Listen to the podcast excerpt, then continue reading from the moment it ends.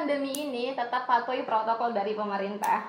Di tanggal 30 September 2020 kali ini adalah perdana kita Jikala Hari membuka podcast yang mana untuk membuka podcastnya akan dibuka pintu dengan orang-orang yang sangat luar biasa tentunya yang kalian Beliau adalah orang-orang yang sampai saat ini memperjuangkan hak-hak rakyat kecil mengenai lingkungan. Nah, siapa lagi kalau bukan Bung Made dan Bung Okto Jadi, apa kabar Bung Made? Baik, baik, baik. Alhamdulillah ini dari dari wajahnya terlihat sih baik Ya. Kayaknya pandemi nggak ada masalah ya selama sampai sekarang atau menjadi masalah besar Hmm, masalah besar. masalah besar oke jadi eh, perbincangan perdana kita mengenai podcast di kala hari ini kita masih di ruang lingkup yang sam- yang viral sampai sekarang yaitu covid jadi eh, di Cikalari sendiri kan saya juga udah baca kan ada brief dari Cikalari yang eh, bertemakan tentang ala Riau da- adalah Riau hijau dan satu lagi adalah new normal sama dengan selamatkan dan pulihkan hutan alam. Dari kita boleh minta nggak ini sebenarnya isinya tuh apa dari Bang Made dulu boleh diperjelas? Ya, kita tahu kan, eh, so apa COVID-19 ini itu kan berasal dari virus, namanya virus apa COVID-19 ya, virus. Ini berasal dari mana? Ternyata dia berasal dari eh, tubuh hewan liar. Hewan liar kalau di Cina itu kan ditemukan di tubuhnya terenggiling atau apa ya terenggiling dan itulah eh, berasal dari hewan liar ya atau berasal dari penyakit zoonosis. Nah zoonosis itu itu berasal apa zoonosis itu berasal dari hewan liar yang hewan-hewan liar ini itu dulunya hidup di tengah-tengah hutan di alam di lingkungan atau habitat mereka yang eh, tidak atau belum terkontaminasi oleh aktivitas industri manusia.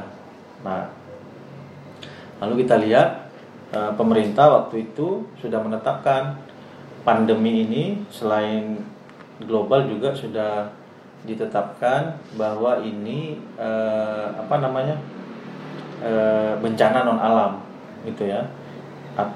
Kebijakannya apa? Dua kebijakan yang dibikin. Satu tentang eh, fokusnya ke kesehatan. Jadi yang yang kena kena COVID ini itu diperiksa masuk rumah sakit gitu ya.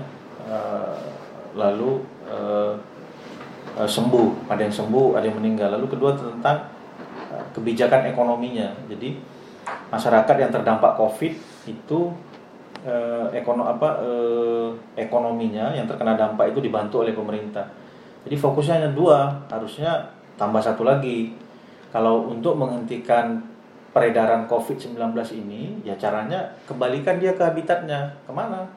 Ke hutan-hutan itu. Maka eh, harus tambah fokus satu lagi tentang eh, pemulihan lingkungan hidupnya. Jadi bukan hanya bicara tentang kesehatan dan ekonomi semata, tapi bagaimana mengembalikan COVID ini ke ke habitatnya. Habitatnya. Nah itu yang waktu itu kita ingatkan ke pemerintah agar fokus memperbaiki sumber daya alam dan lingkungan hidup yang telah eh, rusak, yang telah dirusak dicemari oleh eh, aktivitas industri baik perkebunan, sawit maupun pertambangan.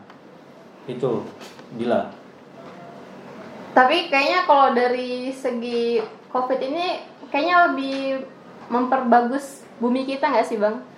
Karena kalau kayak di Jakarta tuh kan ada video yang memperlihatkan antara sisi baiknya ada pandemi sama yang tidak ada. Jadi kalau pas yang nggak ada pandemi itu kabut semua asap semua pas nggak ada eh pas ada pandemi kelihatan Jakarta tuh ada langit biru. Sama kalau kalau kita bandingkan dengan di Riau apakah ada perbedaan ada persamaan seperti yang di Jakarta nggak bang?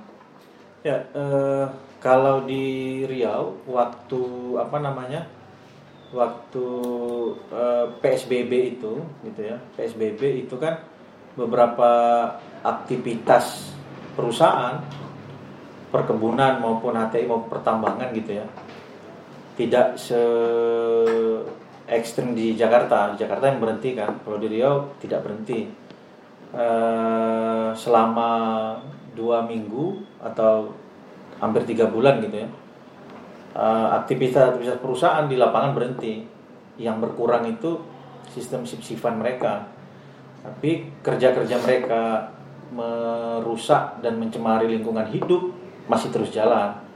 Nah, untuk di Riau efek terhadap corona, terhadap perilaku perusahaan itu tidak ada yang berubah. Justru malah mereka malah memanfaatkan isu corona ini untuk membangun citra seolah-olah mereka perusahaan baik. Apa misalnya? Misalnya eh, grupnya industri ATI suka apa April Group, Sukanto Tanoto dan Sinarmas Group itu kan ecek-eceknya menyumbangkan APD, menyumbangkan masker ke eh, Tenaga medis. ke ini ke melalui BNPB di Jakarta. Jadi soal ter- termasuk perusahaan-perusahaan sawit, asosiasi perusahaan sawit gitu ya, dan asosiasi perusahaan hutan tanaman eh, industri kehutanan. Jadi seolah-olah mereka ini eh, apa peduli terhadap COVID, membantu APD, membantu masker. Padahal kita tahu kan perilaku-perilaku mereka di lapangan, mereka ini yang sesungguhnya melakukan praktek merusak hutan gitu ya. Jadi isu COVID ini justru digunakan, dimanfaatkan oleh perusahaan-perusahaan ini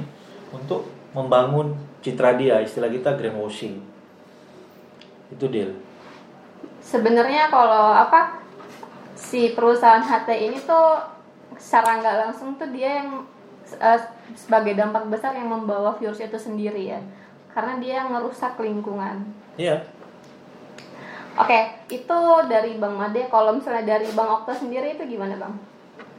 Ya, kalau nyambung yang terakhir itu menarik sebenarnya. Yang yang Dila bilang Iya. kalau sesungguhnya perusahaan HTI yang merusak hutan itu menyebabkan virus. Iya. Nah, itu Sebagai dampaknya. memang apa ya? Banyak penelitian tentang itu. Oh iya. Gitu ya. Pertama, Indonesia itu rawan. Kenapa? Karena eh, sesungguhnya kan kita sangat kaya keanekaragaman hayati. Iya. Bahkan hampir 40% spesies di dunia ini ada di Indonesia gitu Benar ya sekali. kita banyak unggul lah reptil unggul eh, bunga-bungaan unggul banyak gitu ya Hutan tropis kita juga hutan tropis kita Iya, hutan bener. hujan gitu ya juga eh, tinggi tapi di sisi lain eh, banyaknya ini memang harus kita syukuri tapi di sisi lain kita punya kerentanan yang luar biasa khususnya terhadap virus zoonosis nah penyebabnya itu jadi ada salah satu penelitian gitu ya dari FAO. FAO ini eh, organisasi pertanian dan pangan dunia. Salah satunya eh, penelitinya itu Farida dia bilang salah satunya kalau eh, ekosistem keanekaragaman hayati itu dijaga itu nggak jadi ancaman gitu ya tapi kalau eh, itu tidak dijaga dan dirusak itulah yang menyebabkan eh, zoonosis itu terjadi. Salah satu eh, poinnya itu penyebaran zoonosis itu karena semakin dekatnya jarak manusia dengan eh, hutan gitu ya. Misalnya HTI tadi tuh kan harusnya ini hutan yang kaya banyak keanekaragaman hayati tapi karena ditebang gitu ya sehingga eh, penghuni hutan keanekaragaman hayati itu jaraknya semakin dekat dengan manusia. Karena rusak terus manusia datang ke situ maka proses-proses pertemuan kemudian percampuran antara satwa-satwa yang sebagai inangnya penyakit zoonosis itu bisa menular ke eh, manusia. Beberapa contoh itu eh, menarik. Misalnya ini kan yang baru ya covid. Iya. ini isunya di pasar satwa liar di di Wuhan. Iya kalau ditarik mundur itu ada SARS kemudian eh, di Malaysia ini yang agak menarik eh, virus Nipah namanya. Virus Nipah. Ini zoonosis juga. Jadi manusia dia bangun eh, peternakan babi mendekat ke hutan gitu ya. Nah kelelawar yang dari eh, dalam hutan itu yang habitatnya berkurang itu menularkan ke hewan ternak. Nah hewan ternaknya yang menularkan ke manusia. Jadi dia bisa pakai perantara juga.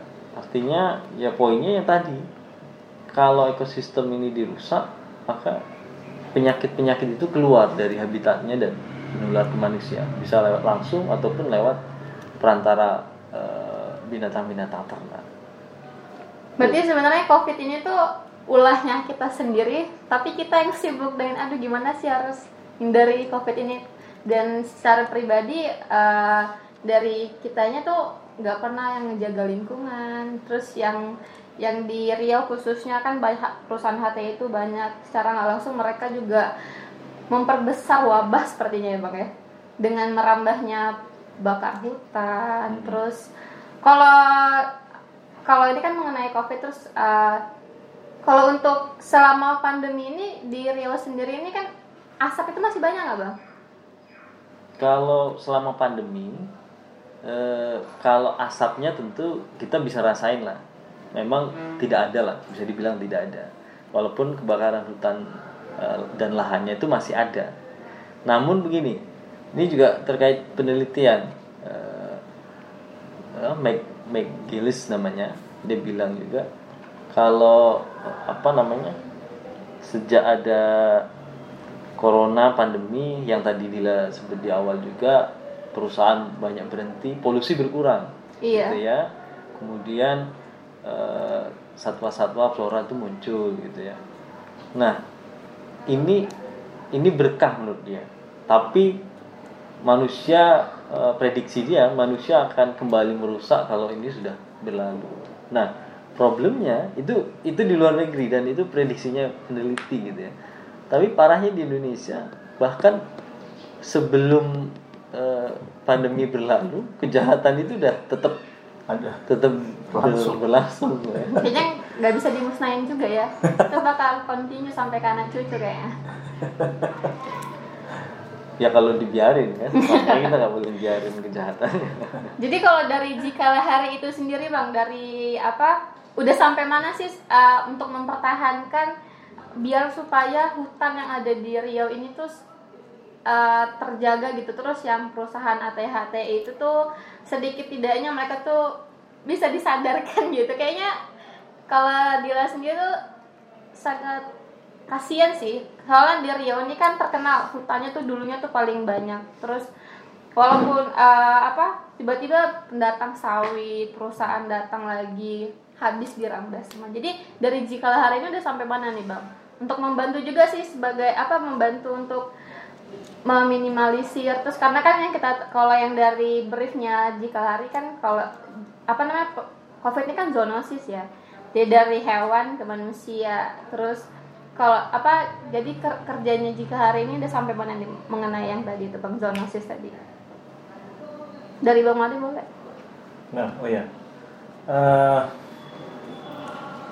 Riau apa? Kalau kita lihat data, luas Riau ini kan 8 juta hektar. iya 8 juta itu sekitar eh, 5 jutaan ya. 5 juta atau 6 juta itu kawasan hutan gitu ya. Hutan hutan bagus dan kita kan nomor 2 se-Indonesia Iya. luas gambutnya 5 juta lebih gambut. Nah, lalu keanekaragaman hayatinya gitu ya. eh, flora dan faunanya itu eh, luar biasa banyak. Bahkan ada eh, harimau Sumatera gitu ya. Ada gajah Sumatera yang di tempat lain itu tentu tidak ada. Nah, lalu masuklah korporasi besar sawit, tambang dan eh, industri HTI. Jadi mereka nebang hutan alam itu untuk ditanami monokultur gitu ya. Tanami akasia dan sawit. Nah, kita tahu yang dia tebang dulu itu itu habitat atau tempat hidupnya hewan-hewan liar ini. Gitu ya. Nah, sekarang hewan-hewan liar ini ada yang mati gitu ya. Ada yang eh, sampai masuk ke pemukiman-pemukiman warga. Nah, di situ juga lah gitu ya eh, virus-virus yang dari tubuh mereka itu eh, nyari tempat gitu ya nyari tempat yang di tubuh-tubuh manusia nah artinya apa Eh, wilayah-wilayah yang dulu tempat habitat para eh, hewan liar ini yang juga hidup di dalamnya virus ini gitu ya. Virus ini kan baik sebenarnya. Eh, itu dirusak oleh eh, para perusahaan-perusahaan ini. Nah, di tengah Covid ini dan sejak 2002 sungguhnya, jika hari itu kan sudah eh, apa memperjuangkan dampingan pemerintah gitu ya untuk menghentikan ekspansi mereka. Menghentikan ekspansi mereka kan mereka pakai cara-cara jahat itu merusak hutan gitu ya. Mereka bakar mereka tebang hutan alamnya lalu mereka jadikan kertas mereka rusak mereka bakar gitu ya. E, praktek itu masih mereka lakukan e, sampai e, sekarang. Nah belum lagi para penjaga virus itu. Dulu kan sesungguhnya penjaga-penjaga virus corona ya penjaga-penjaga virus ini dan eh, apa hewan-hewan liar ini kan dulu masyarakat adat. Iya. gitu ya. Lalu masyarakat adat yang di Riau ini kan seluruh wilayah ini punya masyarakat adat di Riau gitu ya. Dulunya mereka menjaga tapi mereka juga digusur dari lahan mereka. Pemerintah memfasilitasi memberi ke korporasi ini dengan cara macam-macam. Salah satunya suap korupsi gitu ya Eh, eh, terutama korupsi gitu ya. Nah, masyarakat adat juga ikut tergusur yang dulunya menjaga habitat hutan lebat ini, hutan alam ini yang di dalamnya hidup e, keanekaragaman hayati itu. Nah, jika hari konsen pada meng, menghentikan ekspansi para korporasi ini dengan melakukan advokasi terhadap kebijakan, kebijakan-kebijakan yang diterbitkan pemerintah itu terus kita kawal dorong dan dan perbaikan penegakan hukum gitu ya. Lalu melakukan eh, pendampingan di kampung-kampung untuk bersama masyarakat mengorganisir diri agar eh, ekspansi perusahaan ini gitu ya. Ya kalau bisa isinya dicabut oleh pemerintah. Kalau Riau mau selamat. Karena Riau ini dalam satu tahun 12 bulan itu ini setelah musim kemarau nanti kita masuk musim hujan jadi sungguhnya masyarakat Riau ini bebas dari musim banjir dan kemarau, asap itu hanya di bulan eh, Maret ya, Maret hanya dua atau tiga bulan dari 12 bulan itu tidak ada banjir, tidak ada polusi asap. Oke tahun ini prediksi BMKG eh, 2020 katanya kebakaran polusi akan hebat ternyata kan ada anomali cuaca, ada hujan. Nah bulan Oktober nanti kita udah masuk hujan itu. Nah bulan Januari masuk lagi e, kemarau panjang. Dan e, prediksinya lagi itu kemarau yang panjang panjang lagi gitu ya. Dan e, karhutla e, dan polusi asap itu bisa jadi kita kena di tahun 2021. Nah tambah pula gitu ya. Sudahlah kita kena asap misalnya nanti di 2021 atau di tahun ini tambah pula kita kena virus corona. Jadi memang double orang Rio dapatnya. Double, ya itu kita artinya akan mati secara uh, genosida kan. Pembunuhan massal satu bener, satu etnis. Ingat bisa jadi 6 juta warga Riau ini udah kena polusi asap. Kita tahu kan salah satu orang kena corona itu karena ada penyakit bawaannya salah satunya sesak napas iya, yang bikin cepat dia meninggal. Nah, asap itu bikin kita uh, sesak napas. ISPA ya Iya, itu bisa mempercepat gitu ya. Jadi bisa jadi kita kena ekoside dan genosida. Pembunuhan massal secara terencana oleh e, pemerintah. Kenapa saya bilang terencana? Nah, ini menarik. Kenapa terencana? Jadi ternyata dulu ini e, 17 Juni 2019. Iya.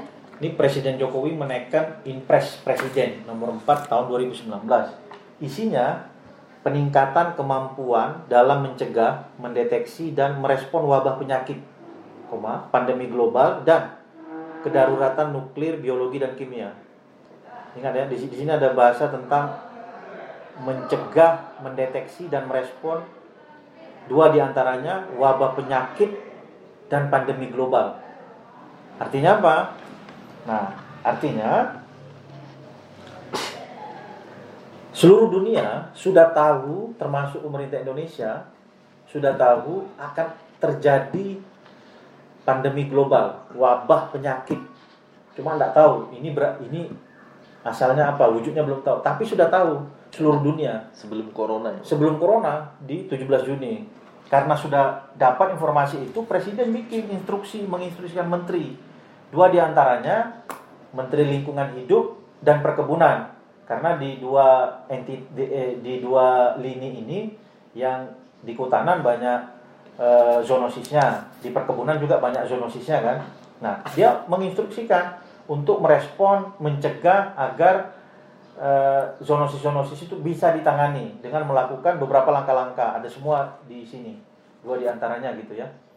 Nah lalu 17 Juni kita kena baru tahu itu bulan Mei. Eh Maret kan Indonesia belum kena. Tapi global Cina itu sudah kena Desember ya sudah kena di bulan Desember nah artinya ada rentang waktu itu gitu ya kita sudah tahu tapi pemerintah tidak melakukan apa-apa ini sudah tahu nih wabah sudah mau datang gitu ya sudah bikin instruksi ini Hanya instruksi aja, aksinya nggak ada. Iya, aksinya ada. Nah, lalu lucunya lagi, setelah kita kena bulan Maret kalau saya nggak salah itu, eh, Iya. bulan Maret apa Juni kita ditetapkan sebagai status darur apa eh, bencana non alam. Nah, lalu Jokowi bikin eh, Perpu tentang bagaimana mengendalikan COVID dan dampaknya ini. Dia bikin kebijakan dua. Satu yang saya sebut di awal tadi, bagaimana menangani kesehatan agar warga sembuh dari COVID. Kedua, pemulihan ekonomi karena kita terdampak ekonomi karena Covid. Nah, lucunya kok tidak memasukkan eh, pemulihan lingkungan hidup. Padahal instruksi di 17 Juni itu memasukkan dua kementerian. Lalu kita lihat dua kementerian ini LHK dan Pertanian tidak masuk di dalam gugus tugas maupun satgas waktu ya. Tidak masuk. Jadi kesimpulan saya pemerintah ini tidak mau COVID ini berlalu. Oh iya, Mau karena dijaga ya. iya karena 600 triliun lebih uang kita untuk menanggulangi kesehatan dan eh, ekonomi. Gitu ya. Iya. Kesehatan misalnya. Kalau Anda kena corona masuk rumah sakit. Kalau rumah sakitnya penuh, buka hotel. Gubernur kita kan Gubernur Riau Iya. buka hotel kan nah ini kamar ada jadi gitu-gitu aja siklusnya nah, yang terkena dampak ada bantuan BLT bantuan tunai bantuan presiden yang terkena dampak gitu ya nah lalu mau menghentikan virusnya apa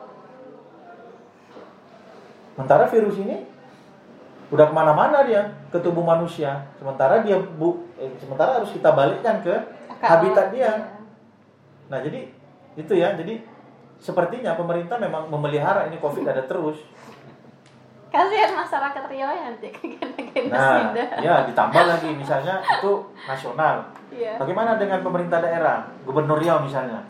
Nah, sebenarnya kan gubernur juga sama. Dia dulu punya komitmen namanya Ria Hijau. Iya. Ria Hijau itu intinya salah satunya adalah eh, bagaimana eh, memulihkan keanek salah satunya ke, ke, keanekaragaman hayati gitu ya memulihkan hutan apa memulihkan hutan memperbaiki lingkungan hidup salah satunya. Nah tentu ini juga terkait dengan zoonosis. Tapi lucunya gubernur kita ini begitu ada zoonosis ini gitu ya tidak mau lagi bicara Riau Hijau.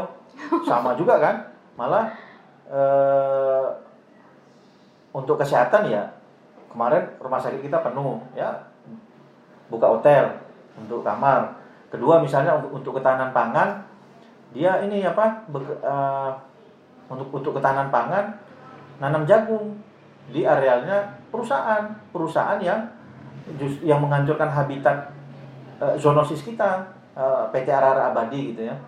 Nah terakhir dengan bangga ini per hari ini gubernur itu menerima sumbangan masker dan APD dari eh, RAPP grupnya Sukanto Tanoto yang juga merusak habitat zoonosis dengan eh, apa namanya eh, grup sawit organisasi sawit yang juga kita tahu mereka juga ya, menghancurkan zoonosis. Jadi pemerintah pusat dan daerah memelihara ini zoonosis ada agar apa? Agar anda bayangkan jadi uang-uang yang banyak itu 600 triliun masuk ke daerah itu bisa dipakai untuk kalau dia dipakai untuk dua hal ini untuk dua hal ini kesehatan dan pemulihan ekonomi gitu ya bagaimana caranya dia tidak bisa selama dia menggunakan untuk dua ini meskipun dia korupsi dia tidak bisa dipidana tidak bisa digugat secara perdata tidak bisa di apa di admin dipetunkan dipetunkan gitu ya. Bayangkan dia punya imunitas hukum, tidak bisa dihukum. Kalau dia menjalankan dua ini. Nah, sementara uang uang ini bisa dipakai untuk macam-macam, bisa juga untuk kampanye pilkada yang sekarang sedang ber, sedang berlangsung gitu ya. Nah, ini maksud saya konteksnya adalah ini zoonosis ini COVID-19 ini dipelihara oleh pemerintah gitu ya, dipelihara oleh pemerintah. Yang parahnya adalah memberi ruang pada perusahaan-perusahaan yang tadi itu gitu ya. Greenwashing, memberi ruang, bahkan diberi insentif memberi ruang. Memberi ruang salah satunya, saya lupa. Misalnya eh, apa? Instruksi eh, peraturan pre, perpres atau apa gitu ya tentang eh, keringanan keringanan pajak. Misal yang ta- yang hari ini Sukanto Tanoto grup RAPP itu memberi sumbangan APD Iya. sekian ribu masker dan APD. Itu sumbangan dia itu dia bisa mengajukan misal sumbangannya itu totalnya eh, 2 miliar misalnya.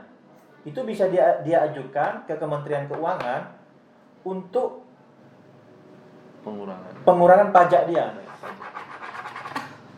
Dipermainkan berarti ya. Pem- pemerintah memberi itu, memberi ruang itu, gitu ya. Memberi ruang itu. Nah, lalu sudahlah dia tidak bisa dikorupsi juga memberi ruang pada korporasi yang merusak habitatnya zoonosis tadi itu. Anda bayangkan, gitu ya. Ini ini ini ini peliknya. Jadi eh, ada orang-orang tertentu di pemerintahan itu yang senang zoonosis ini ada terus. Kalau rakyat kena covid apa? Ya, masuk rumah sakit 14 hari. Kalau kau hidup, alhamdulillah. Kalau kau tidak hidup, dimakamkan secara secara covid. Iya. Jadi begitu kau sudah masuk di rumah sakit itu, itu ada naikkan pernyataan bahwa kalau saya meninggal, saya dikebumikan secara covid. sangat luar biasa ternyata ya pemerintah kita ini luar Iya. biasa sekali ini kayak senang banget sama adanya covid ya kayaknya uangnya makin banyak karena adanya covid ya Ya. dan kalau dari bang Okta sendiri nih gimana nih saya pendapat? nambahin gini setiap eh, apa era gitu ya Iya. di mana ada krisis di dalamnya krisis ekonomi lah yang paling paling umum gitu ya itu pasti akan muncul peluang-peluang korupsi besar-besaran iya benar. Apa misalnya? Selalu. Misalnya yang paling dekat eh, krisis global 2008 era SBY apa yang terjadi misalnya? Ada kasus Senturi korupsi sampai 7 triliun lebih gitu ya. kemudian eh, krisis yang besar lagi itu tahun 98 eh, jatuhnya Orde Baru itu ada kasus juga BLBI sampai ratusan triliun nah ini krisis juga momennya pandemi. Jadi eh, maka peluang-peluang korupsi di dalam krisis ini makin terbuka gitu ya. Apalagi tadi di Perpu penanganan Covid kaitan penggunaan anggaran itu juga ada imunitas. Pejabat eh, selagi dia menggunakan eh, untuk kegiatan yang dua itu maka tidak bisa dipetun, tidak bisa digugat perdata kayak yang Bang Made sampaikan tadi. Nah, persoalannya begini. Siapa yang mau mengaudit gitu ya penggunaan anggaran itu? Siapa yang sempat audit? Walaupun memang eh, digandenglah eh, BPK gitu ya eh, KPK tapi poinnya siapa yang akan mengaudit sebanyak ini? Misalnya eh, pengadaan APD itu kan kita bisa lihat di permukaan lah bagaimana politisi eh, berdebat gitu ya. Bercerita dokter-dokter itu juga ID misalnya dia bercerita setiap bupati itu udah bawa eh, kontraktornya sendiri pengadaan APD itu di awal gitu ya. Itu kan permainan. Kemudian yang ringan yang lebih dekat misalnya penanganan pasien itu biayanya sampai 200 juta per orang. Siapa yang mau ngaudit itu?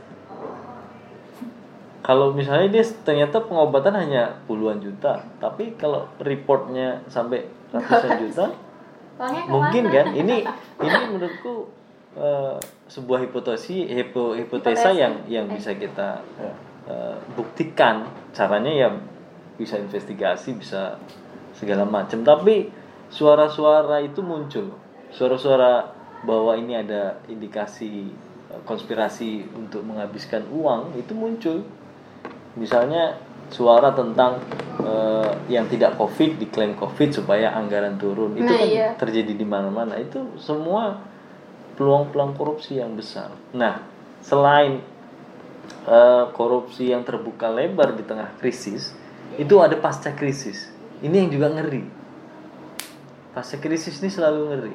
Misal- pertama misalnya eh, dulu waktu orde lama jatuh gitu ya pasca orde eh, lama jatuh ada undang-undang yang salah satunya itu ada kontrak karya Freeport kemudian besar-besaran ekspansi migas kehutanan itu muncul. Kemudian eh, pasca reformasi itu ada otonomi daerah ada izin-izin yang penuh korupsi. Di sisi lain waktu itu eh, Zulkifli Hasan pernah diwawancarai eh, sama Harrison Ford kalau nggak salah.